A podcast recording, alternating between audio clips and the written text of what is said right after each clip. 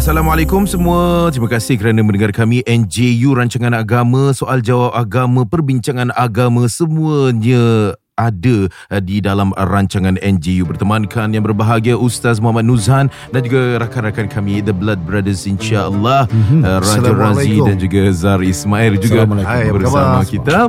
Dan uh, insya-Allah lah uh, podcast ini dibawakan khas untuk anda oleh Nur Insan satu-satunya madrasah di Singapura yang menawarkan pendidikan Islam secara percuma guys. Jadi sama-sama lah kita menyokong usaha ini guys. Mm-hmm. uh, sertai Nur Insan sebagai penderma bulanan dengan menelusuri nurinsan.sg semoga Allah SWT memberkati anda semuanya guys. And now it's on to the show. Jangan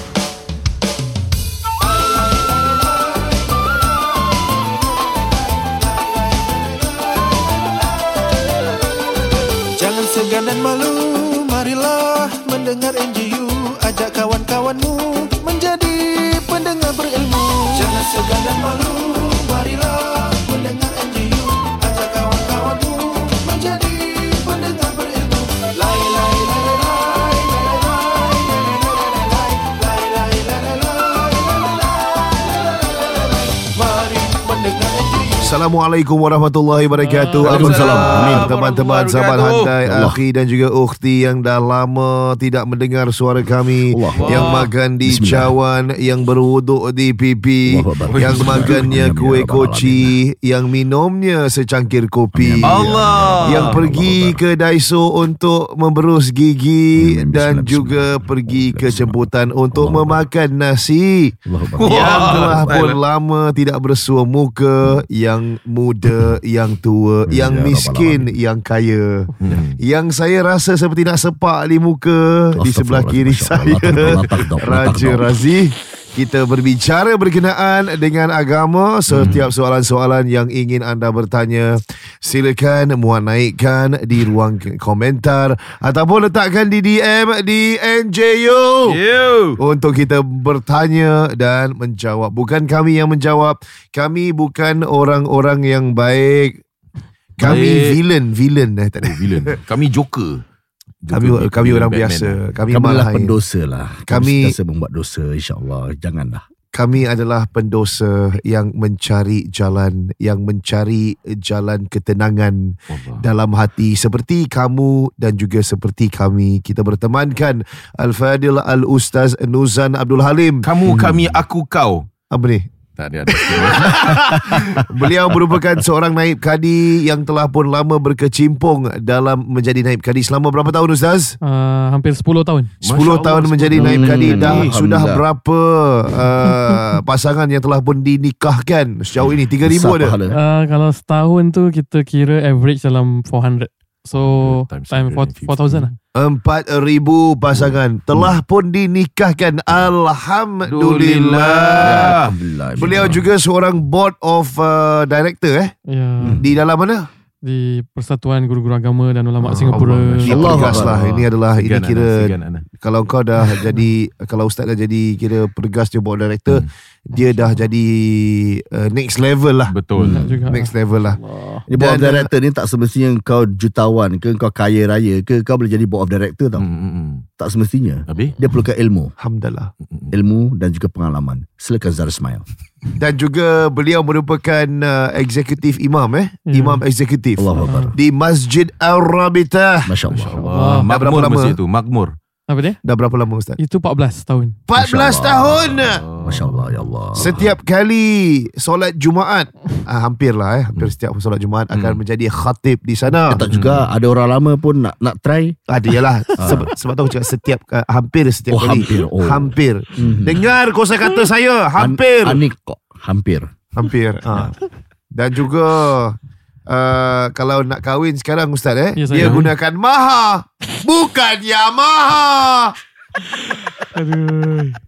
Itu kita sesekali kalau dapat undang bagus eh. Ustaz, yang kalau saya nak jadi yang Innallah malaikatu yang kat bawah berapa bayaran tu selalu? Bayaran di syurga lah kita harapkan. Oh ya, ya Allah ya Allah. Ah, keikhlasan kita. Kerana Baik ni ada apa? Yelah, kerana Tak adalah setimpal Setimpal apa kan Ya, Kadang-kadang saja je nak ya. tahulah. Kalau saya tak silap The rate eh For muazzin ah, muazzin di masjid. For Jumaat Hmm. Saya lihat eh Saya tak cakap masjid mana-mana Yalah. Tapi kita, Average kita, lah, average kita lah. buat bancian juga Hmm. Kawasan sini Kalau hari Jumaat apa Tahun ini berapa peningkatan dia Pasal kita tak boleh terus meningkatkan Hmm. Kita kena tengok kawasan situ takut Hmm. kalau kita tingkatkan uh, Bukan spoil market Tapi biar ada peningkatan tahun demi tahun Hmm. Supaya tak drastic punya change Betul. So kalau saya tak silap sekarang Is $35 to $40 saja. For solat Jumaat Oh, Dah alang-alang dia akan kena ni kan? Yalah. Itu yang paling rendah lah. Ah, Ada sebahagian masjid 50 dolar Ada sebahagian masjid Sampai 70 dolar. Macam rate ni adakah uh, atas dasar pengalaman dan suara sedap ke macam mana? Okay Ha. uh, Rate dia di sini Kita tak tak kira lah. Pemilihannya tu Kita pilih atas dasar Orang yang berdisiplin juga. Hmm. Kalau saya Saya kiaskan dengan Sayyidina Bilal bin Rabah Hmm. Sayyidina Bilal ni Bila dia azan Menembusi langit Kerana apa? Kerana dia Orangnya macam mana Hmm. jaga masa, jaga akhlak, tawaduk, dia pun buat ikhlas kan. Kemudian of course lah suara dia menarik, Hmm. ada kelantangan. Itu dari sudut pemilihan kita lihat Muazzin kriteria. Hmm. Tapi dari sudut pembayaran kita tak lihat pada kriteria tersebut. Betul betul. Melainkan kalau kita berikan sedikit uh, lebih kalau tarawih ataupun imam biasa tu, Hmm. kalau imam tu seorang hafiz, saya rasa saya justify kerana usaha dia untuk jadi seorang hafiz Mhm. Al-Quran dia dah belajar, dia dah hafal dan keberkatan dia. Kemudian dia pun bawakan surah-surah yang uh, apa orang kata panjang kan, Mm-mm. bukan surah-surah yang pendek. Bukanlah kita kata surah panjang tu lebih baik dari surah pendek, tapi maknanya dia dalam uh, pembelajaran imam dalam Al-Quran dia wajar untuk dinaikkan pembayaran kerana Mhm. uh, kebolehan dia. Ya. Terima kasih. Baik, kita ada soalan sebenarnya Oh, okey. yang uh, dia telah pun ditanya oleh para pendengar NGU. Silakan Kita, Azhar Ismail. kita mulakan dengan uh, Boleh saya campak satu soalan? Tak boleh, tak boleh. Saya nak tanya dulu. sabar saya nak tanya dulu. Zat dah bayar dam ke belum? Tak ada kira ada dam. Aku pernah dengar kena bayar dam something like that. lah. Dalam agama Islam ni.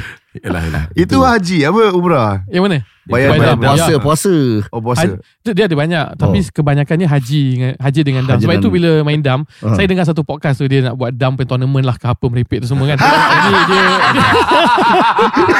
Apa salahnya? Yalah bagus lah. Bagus lah. Jadi Saya dia, memang tak suka podcast tu lah. Eh, tak- tak- tapi dam tu kalau, Menghayalkan. Hmm. kalau jadi pun bagus juga. Baru-baru ni apa dia interview apa Ah. Songsang. Entahlah. Nak cover line dia cakap buat etibar. Salah. Kenalah disclaimer Yalah. masing. Okey. Backing dan. Tak serik-serik ah budak-budak tu. Tak serik-serik.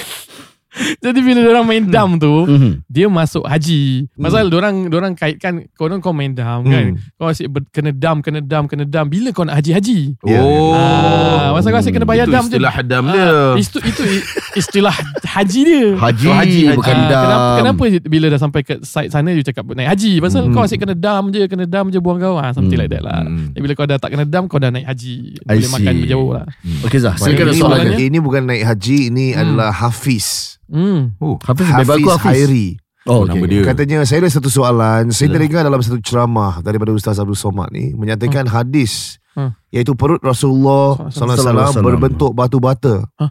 That means Oh. ada six packs Hmm. Adakah sedemikian? Minta pencerahan Jika hadis ini sahih Ataupun tidak Jika benar Itu bermakna Salah satu sunnah Rasulullah Terima kasih. Okay. Saya pernah come across that uh, ceramah juga. Hmm. Bila saya come across that ceramah, saya buat cross reference sedikit lah. Hmm. Maksudnya, Yang saya dapati sebenarnya adalah di mana dalam kitab Syama'il Mustafa SAW, Hmm. para ulama menyatakan bahawa dada Rasulullah SAW dan Sallallahu perut alaihi wasallam. Rasulullah itu sama level. Hmm. Riwayat hadis menyatakan serat, rata. Maknanya perutnya tidak melebihi dari dadanya. Oh, Sama ni. Ah itu. Ya. Tetapi kalau dikatakan ber apa petak-petak Hmm. ataupun stomach muscle, Hmm. saya kurang pasti. Berkemungkinan betul tapi daripada sudut sanad riwayat hadis saya tak menemukan. Hmm. Tapi mungkin dari penafsiran daripada dada dengan chest apa chest dengan perut Sama sama, level. rata kemudian daripada usia yang sebegini, sebegini begini dengan pemakanan sedemikian Hmm. kan mungkin tak mustahil ada stomach muscle Yeah, right, tapi right. kalau you, you nak sandarkan kepada Rasulullah SAW saya wasallam. saya lebih suka kalau dia memang ada hadis. Kenapa eh? Kalau you cakap stomach muscle, people can argue tau. Do you think ada six pack will be the best thing? Human being for male they need body fat juga. Sedikit berapa persen of body fats Mhm. for them to be as healthy as very apa orang kata uh, tip top Ya. Yeah. And kan dia bukan semestinya sama muscle tu yang paling tip top. Hmm. Itu mungkin dari segi muscle punya uh, penafsiran mungkin tu paling best. Hmm. Tapi dari segi seorang human being to function well as a human being, Yeah. they need body, body muscle juga. Of course, So, yeah. body fats, yes. Yeah, body Sama fats. saya. Ah, ya, body fats. Hmm. Jadi kalau kita nak sandarkan kepada Rasulullah sedemikian, lepas tu Mhm. orang kata that's not the premium punya body, Aha. sedangkan kita niat kita nak cakap benda tu baik lah. Ya. Tapi kalau dia tidak disandarkan dengan hadis Nabi SAW, Selalu. Ah, dia ada satu riwayat eh. Uh, Nabi SAW pernah ada Ukasha. Hmm. Nabi pernah ter apa terkenakan uh, apa kalau saya Pedang. tak silap pedang ni lah terkena sedikit eh. Hmm. Lepas tu dia kata aku nak tuntut kau ya Rasulullah. Oh, I tuntut. know, I know. Ha, aku nak tuntut pasal kau pernah nak nak apa nak nak sebat sesuatu ataupun terkena ni tapi kau terkena aku. Hmm. Sekarang Tu kena cabut. kan? ah sekarang aku nak buka ah, baju kau. Pasal kat situ juga ah, balik dulu kau kena kat kulit aku tak Hmm. main dekat dekat kain aku tak main. Sekali bila dia Nabi SAW okey kalau gitu pukul lah Hmm. Ya. Kan? Jadi bila dia buka sebenarnya dia peluk lah Rasulullah. Aku Hmm. cuma nak lagakan pipi aku, kulit aku ni Hmm. kepada kulit kau ya Rasulullah. Hmm. Tak ada pun riwayat-riwayat yang menyatakan ada berpetak-petak ataupun berkotak-kotak eh. Hmm. Hmm. Sangat masal. Jadi kita boleh anggap para ulama kita nak sebutkan itu adalah body yang terbaik. Hmm. Tapi sejauh the riwayat is concerned, hanya sekadar dada dan perut Rasulullah SAW Hmm. rata. Sama. Oh. Baik ada soalan kita uh, lancarkan eh. Baik, kita Quick teruskan question. dengan uh, soalan-soalan daripada pendengar kita. Sialah, sila. Uh, Apa dia? Sialah. Apa dia? Zah? Sialah. Oh, oh, sila, sila lah. lah. Sila. Oh. Salah dengar tadi. Eh? Tak Baik, boleh. uh, satu soalan yang diajukan adalah mengenai segi aurat Alah. dan pergaulan. Maafkan saya Ustaz. Eh. Alah, alah, Contoh alah, alah. dalam group work. Ada Ya. pergaulan antara lelaki dan perempuan. Bukan mahram dalam Haram. dalam sekolah sekular dan juga sewaktu Oh, kegiatan kelas Astaghfirullahalazim. atau kurikulum kita ambil gambar sekelas adakah kita berdosa wow ini Oh. berat eh okey kalau post gambar seperti itu kerana ada aurat perempuan Hmm. adakah ini perkara yang dianggap tidak dapat dielakkan I see. Maksudnya kita dalam kelas hmm ataupun it could- can also be kelas foto dan sebagainya kelas kan. foto lah Ya, apa team building ke upload, upload, upload. lelaki perempuan bekerja ni macam mana ni adakah bagi saya ni satu pemikiran yang tidak boleh lagi digunakan kerana Ya. Uh, bagi saya Maaf, c- jangan cakap kelas foto Ustaz. Ah. Saya buka suria pun dalam satu scene ada lelaki perempuan. Ni dah haram. oh ya ya Apa nak jadi? Mm-mm. Laki Dalam perempuan, laki perempuan dekat atas katil berlakon. Memang depan ada kameraman ramai. Tak payah atas Ke- Habis katil. ni kat atas mana? Tengah hosting rancangan duduk sebelah-sebelah. oh, Oh, ya. Bukan mahram. ya ya ya, ya. Yang tengok TV tu, Hmm. subahat. Ah, macam contoh lah. Ah, Yang macam beli gitulah. TV. Ah. Oh. Prism. Hmm. Bersuat. Habis yang beratur, laki perempuan, laki perempuan, laki perempuan beratur nak beli tiket ataupun nak membeli Hello Kitty. Hmm. Macam mana? Itu pergaulan tu dekat McDonald. Yang beratur nak cop pasport dekat custom. Ah. Oh, Tak ada lane lelaki perempuan. Ah. Haram. Yang tukang cop pasport tu, subahat. Oh ya. Yeah. Yang buat wedding, pak Huh? cik duduk sebelah anak adara. Ah. Haram. Yang nak naik ke bas, Mhm. bas driver wanita, kita lelaki nak tap easy link. Hmm. Haram. Hmm. Oh ya ya ya. Yang Nak buat beli bas, yang yang buat company buat bas tu, Ah. subahat. Kau simple. Sikit ya. Ya ya. Macam mana Ustaz? Pemikiran-pemikiran Macam mana, seperti Ustaz? Ya, ini. macam mana, ada Ustaz? juga yang pemikiran macam ini macam mana Ustaz? Saya kira mungkin soalan tu lebih kepada konteksnya mungkin kalau guru kan Hmm. sama ada seorang guru dia nak upload gambar Hmm. muridnya Hmm. kalau konteksnya dalam sekolah dia dia tu dia tu guru ataupun dia nak mengajar Hmm. tapi terpaksa uh, nak dapatkan konsen daripada para muridnya dan Hmm. sebagainya dan dia berkaitan dengan aurat. Saya punya pendekatan eh kita duduk di dalam zaman ini kita tahu bahawa tidak semua kebenaran dan tidak semua perkara yang kita lakukan tu boleh bersih daripada perkara yang dosa dan haram. Hmm. Hmm. Ya. Tapi ada satu kaedah dalam Al-Quran Al-Karim, saya berpegang dengan ayat ini.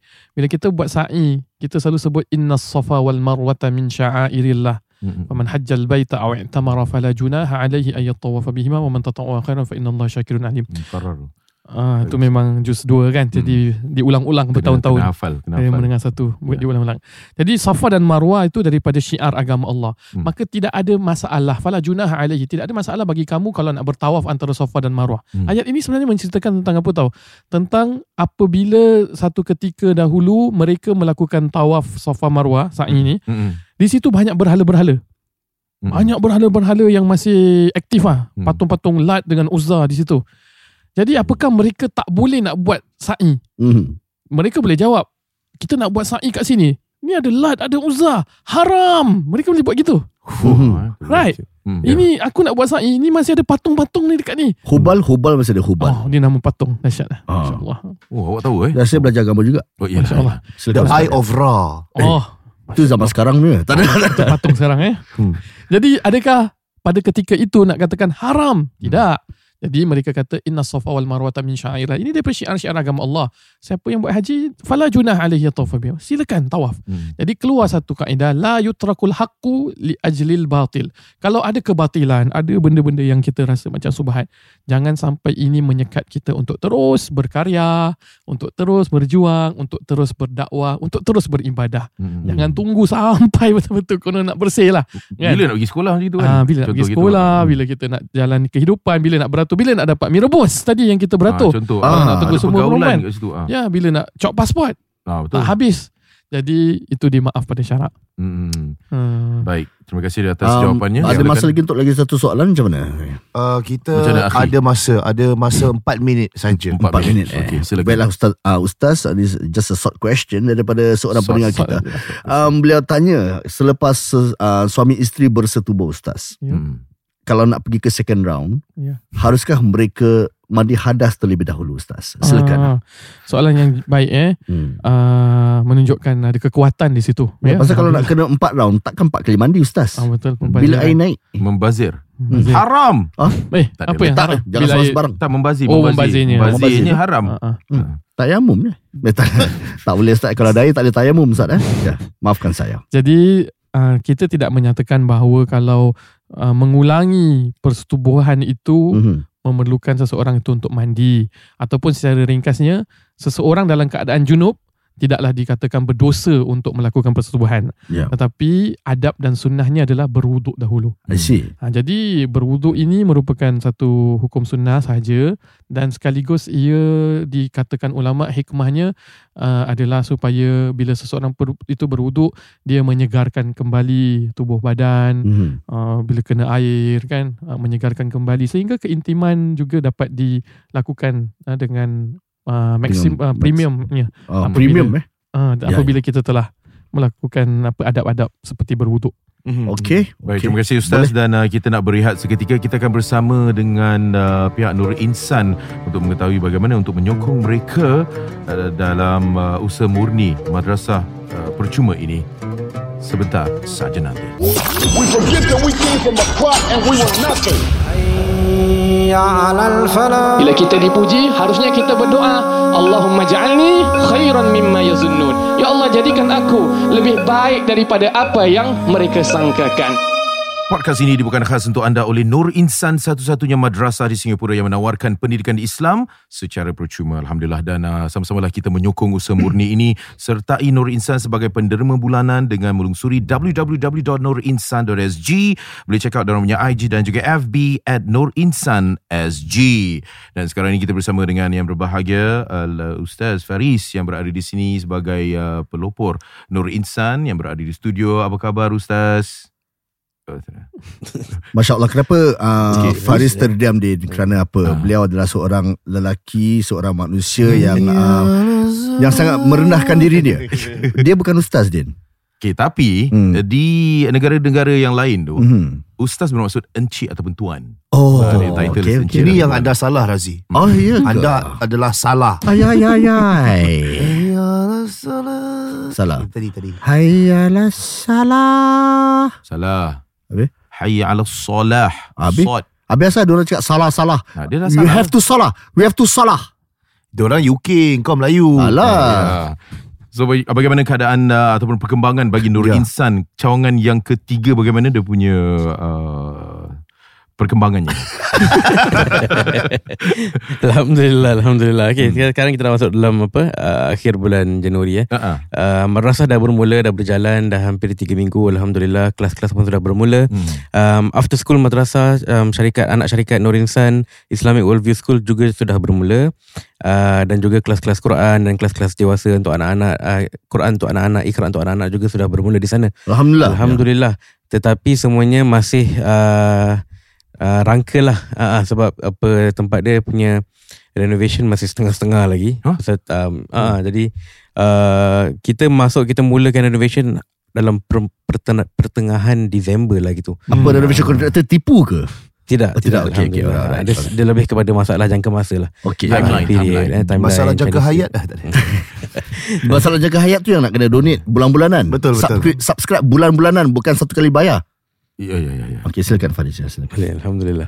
Uh, jadi sekarang um, dah beroperasi Ah, tetapi ada beberapa perkara macam pintu, pintu belum masuk lagi. Pintu. Ahmad Pintu.